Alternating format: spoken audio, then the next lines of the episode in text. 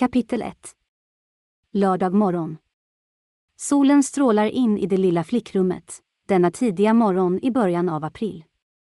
Ahelia lägger kudden över ansiktet.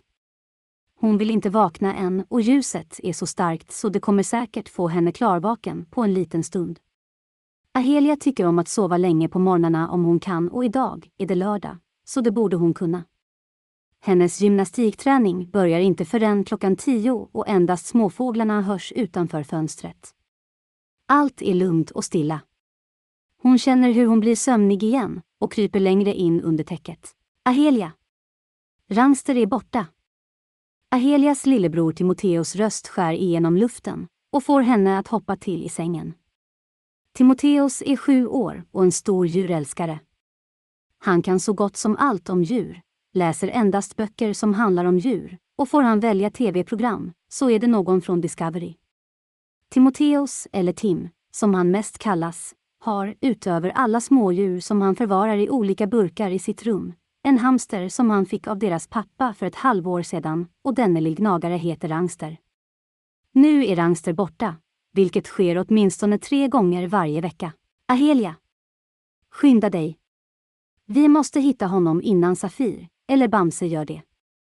Safir och Bamse är grannens katter och de skulle nog gärna vilja ha en hamster till frukost så Ahelia sätter sig upp i sängen, mycket motvilligt och riktar en sur blick mot Tim som står där i sin pyjamas med djungelmotiv och det ljusbruna håret spretande åt alla håll. Hans gråbruna ögon glittrar av oro. Ahelia förstår att han är orolig och behöver hennes hjälp, men hon hade så gärna velat sova lite mer. Tim, jag tror inte att Rangster är utomhus. Hur skulle katterna kunna få tag i honom?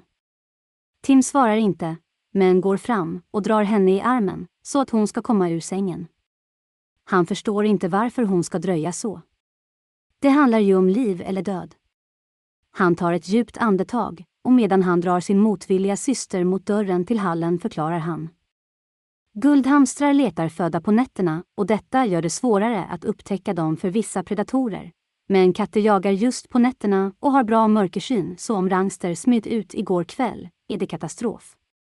Ahelia stirrar på honom. Han låter som Wikipedia och det är lite för tidigt för henne att ta in sådan information. Hon tar bort några envisa hårstrån från ansiktet och försöker samla ihop sitt långa mörka hår bakom öronen. Ute i hallen känns det svarta keramikgolvet kallt under de bara fötterna. Men Tim drar henne bort mot ytterdörren utan att tveka. Tim, vi letar här inne först, försöker Ahelia. Jag har bara pyjamas på mig. Jag kan inte gå ut så här. Jag har letat här inne sedan klockan sex, svarar Tim. Han är inte här.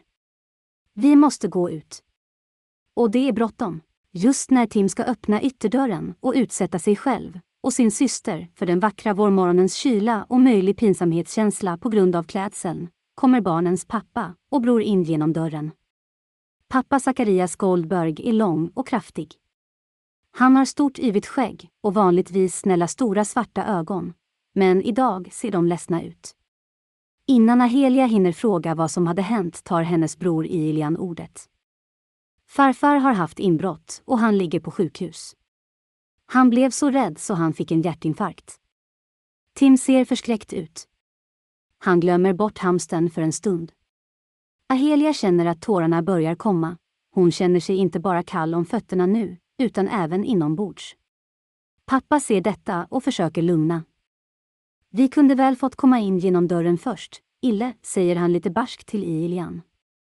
Sedan fortsätter han. Det stämmer tyvärr. Farfar ligger på sjukhus. Han har fått en hjärtinfarkt, men han är någorlunda bra nu. Och så berättar pappa hela historien. Farfar hade kommit hem efter sin kvällspromenad igår och då hade någon varit i hans lägenhet och dragit ut alla hans böcker och papper från bokhyllorna och slängt dem överallt. Några gamla vaser var sönderslagna, men annars verkade inbrottsmännen inte ha tagit sönder något mer och inte heller stulit något. Detta hade polisen berättat för pappa nu på morgonen. Farfar som tycker väldigt mycket om sina böcker hade sett röran när han kom hem och detta var för mycket för hans hjärta och han hade fått en hjärtinfarkt just då.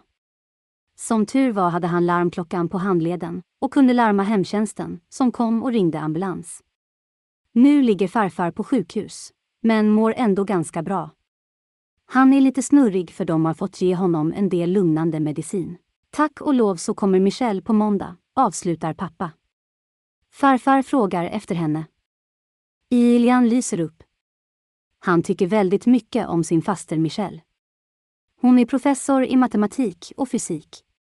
Ilian är väldigt intresserad av matte och han verkar också fått en släktådran, matematisk begåvning och intresse för nummer. Faster Michelle och han kan sitta i flera timmar och prata om siffror. Varken Ahelia eller Tim förstår detta riktigt. Ahelia är fortfarande bekymrad över sin farfar, men blir också glad för att faster Michelle ska komma. Hon brukar ha roliga presenter med från Peru. Kommer Amanda och Amaya också, undrar hon. Amanda och Amaya är Timoteus, Ilians och Ahelias tvillingkusiner. De är lika gamla som Ilian, tio år, men Ahelia har det också mycket roligt med dem. Hon är ju bara ett och ett halvt år äldre. Kusinerna bor väldigt långt borta, i Sydamerika, så det är inte så ofta de ses. Pappa stryker Ahelia på kinden. Det verkar så. De skulle försöka ordna pass till dem idag, och fixar det sig så kommer de också. Just då slår klockan nio. Denna lördag i april har knappt börjat och dagen är redan fylld med många dramatiska händelser, Rangsters försvinnande, farfars inbrott och sjukhusvistelse samt det kommande besöket från Peru. Nu behövs det lite frukost.